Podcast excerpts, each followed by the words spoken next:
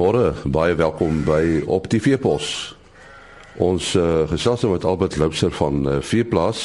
Nou, u sal onthou ons het uh, een of twee bydraes uitgesaai oor die uh konferensie uh, wat uh, plaasgevind het, uh, die Afrika besigheidskonferensie. Uh, dit dit uh, het nou weer die soeklig gewerp op uh, landbou uh, se moontlike uh, sake projekte wat hulle kan onderneem in Afrika, né? Nee? En nie definitief uh, jy weet dit is my interessant as ou nou oor die laaste uh, 10 jaar kyk ehm um, hoe geweldig die persepsies ten opsigte van Afrika verander het. Jy weet uh, daar was 'n tyd toe ehm um, daar absolute konsensus was onder besigheidsmense dat Afrika die sogenaamde failed continent was. En ewe skielik is dit die ekonomiese groei hoop vir almal en uh, mense ervaar dit ook 'n bietjie op op konferensies soos uh, uh, die Farmers Agribusiness Africa konferensie wat sopas aangebied het. Daar's duidelik twee groepe mense. Die ouens wat uh, destyds die dinge taai was uh, uh, uh, ingespring het en betrokke geraak het en uh, uh, onder baie moeilike omstandighede van hulle self dan 'n 'n 'n vaste plek in in Afrika gevind het en ouens wat nou soort van wakker skrik en sê ouma stig die geleenthede uh, gaan opgebruik word ons moet plan maak om betrokke te raak. So daar's definitief uh um uh, twee groepe maar uh beide is is 'n uh, uh, uh, baie ernstig op pad om uh, te probeer van hierdie geleenthede gebruik maak. Nou ek dink wat wat op die konferensie ook baie duidelik uitgekom het is dat um enige iemand wat dink dat dit maanskyn en rose gaan wees of uh maklik gaan wees om daar besigheid te doen maak 'n baie groot fout. Ehm um, die ou gesegde van Afrika se fisies nie uh geld steeds. Uh hoewel daar geleenthede is, is daar baie ouens wat maar hulle vingers brand. Uh ouens wat met die al die regte intensies wegspring en dan nou nie die die ehm um, uh spreekwoordelike uh, oeskry wat hulle wat hulle gehoop het op nie. Ehm um, maar dan is daar ook ander ouens wat wat dit reg doen en en uh, stadig maar seker vir hulle self geweldig vaster plek kry. Nou die interessante ding is ehm uh, Ehm um, vir al die ouer mense sal die boek onthou, Scramble for Africa wat gegaan het oor die hoe Afrika uh, uh, opgedeel was tussen die koloniale magte hier in die laat uh, 1800. Nou as mense uh, kyk wat vandag gebeur dan sit my amper presies dieselfde. Uh, Daar's 'n klomp lande wat regtig meeding om om uh, betrokkeheid in Afrika. Ehm um, uh, as jy nou wil negatief wees dan kan jy dit amper weer 'n vorm van ekonomiese imperialisme noem, maar ek dink nie dit is dit nie. Ek dink dit is eerder 'n geval van dat eh uh, dat ouens geleenthede geleenthede gebruik wat nou na hulle kant toe kom en dat daar baie groter samewerking en en erkenning is vir vir Afrika self se rol. Dis nie meer 'n geval van dat eh uh, dat ouens eh uh, toegelaat word ook om om te kom misbruik maak van die geleenthede in Afrika nie. Ek dink Afrika is heeltemal in staat om na homself te kyk op hierdie stadium. Maar terug by die by die landbougeleenthede. Ehm um, weet in in, in daar's verskriklik baie syfers wat hulle kan rondgooi om om om om hierdie punt te staaf. Maar uh, uh, ek het al op hierdie program gereeld gepraat oor oor die beeste in Brasilië en hoe geweldig uh ontwikkel die die uh, vleisbeestebedryf daar is.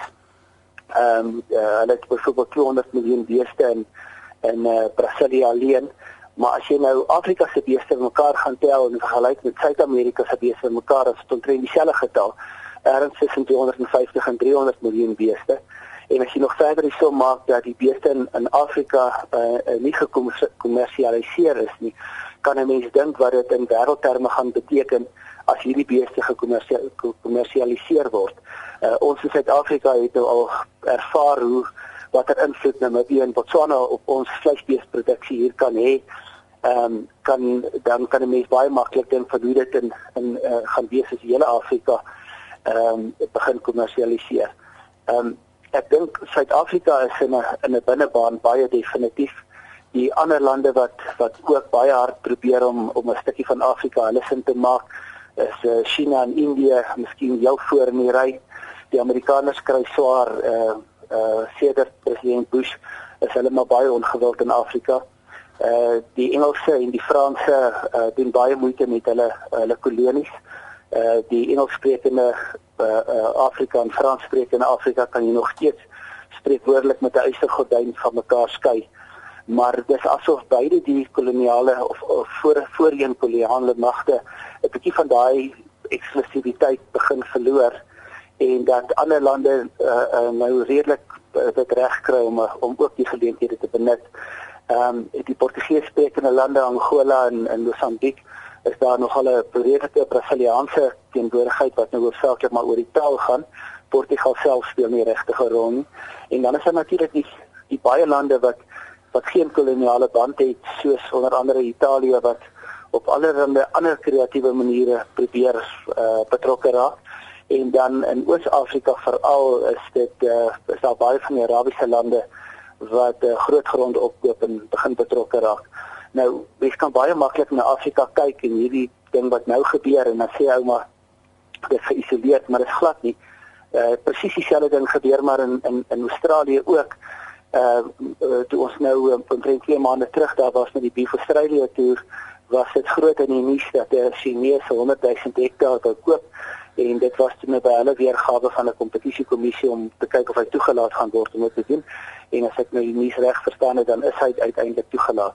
So dit gebeur maar oral in die wêreld waar produktiewe landbougrond beskikbaar is, probeer mense hulle hande op kry en probeer hulle eienaarskap kry omdat hulle duidelik besef dat in die toekoms ehm um, produktiewe landbougrond baie baie minder gaan gaan word.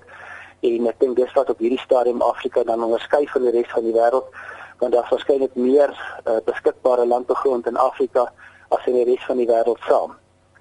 Ja, dit gaan eintlik oor kundigheid nê wat uh, in Afrika eintlik uh, uitgesaai moet word. Uh, definitief. Ehm um, ek maar ek dink tog die die boodskap word nou redelik uh, uh, verstaan in Afrika. Ehm um, weer eens as jy nou teruggaan na 10 jaar terug en nou ehm um, uh, die hele uh, uh, manier hoe, hoe Afrika lande na hulle self kyk en na hulle eie landboupotensiaal kyk het ehm um, het geweldig verander. Uh, uh, miskien die beste voorbeeld van almal ehm um, Nigerië wat nou amptelik die grootste ekonomie in Afrika is, uh, is 'n land wat absoluut gedraai het rondom olie. En uh, ek het persoonlik ervaar uh, min of meer 10 jaar terug dat ehm um, landbou dat dat uh, uh, politieke leiers vir jou sommer reguit sal sê man landbou is nou interessant, maar 'n soort van 'n 'n nice to have, uh, die geld kom eintlik van olie af. En daar dieselfde ouens vandag, nou dat die oliepryse omtrent gehalveer het en wêreldmarkte onder groot druk is, is daar ewe skielik 'n totaal nuwe fokus op landbou. Ehm um, wat wat daar eenvoudig nie was 'n rukkie terug nie. So ek dink as as 'n mens nou uh gaan kyk wat in die volgende rukkie gaan gebeur en ons Suid-Afrikaners gebruik ons kanse goed, dan is daar geweldige geleentheid vir ons om ons landbou uit te brei na Afrika toe want uh die een groot waarheid wat ons baie keer vergeet is ons is in Afrika alreeds. Ons hoef nie eers op 'n skip te klim om Afrika toe te gaan nie. Ja, jy jy praat van uitbrei uh dis tog my indruk dat van die boere wat ook in Afrika bedrywig is, nie sak en pak trek nie, maar eintlik hulle aktiwiteite uitbrei, nê.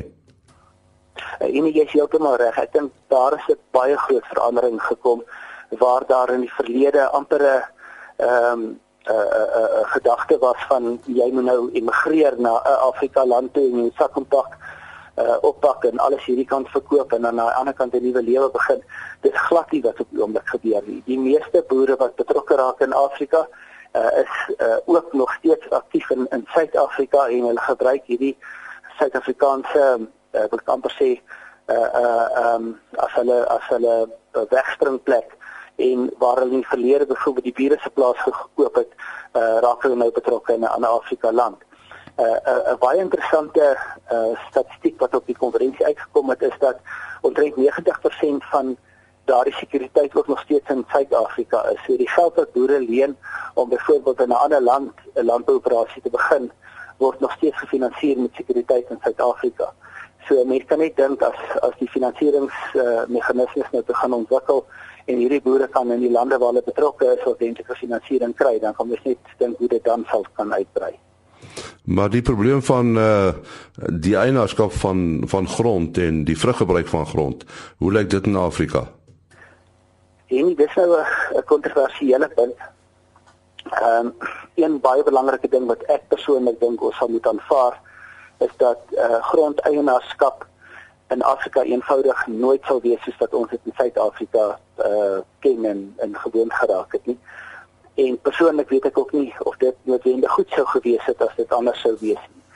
Uh grondeienaarskap in die meeste Afrika lande is is eintlik glad nie 'n ehm, 'n um, brandpunt nie. Uh almal aanvaar dat uh as jy grond wil, wil hê dat jy toegang kan kry op 'n op 'n huurpagstelsel en dat jy dan daai grond uh, kan aanwend soos wat jy wil.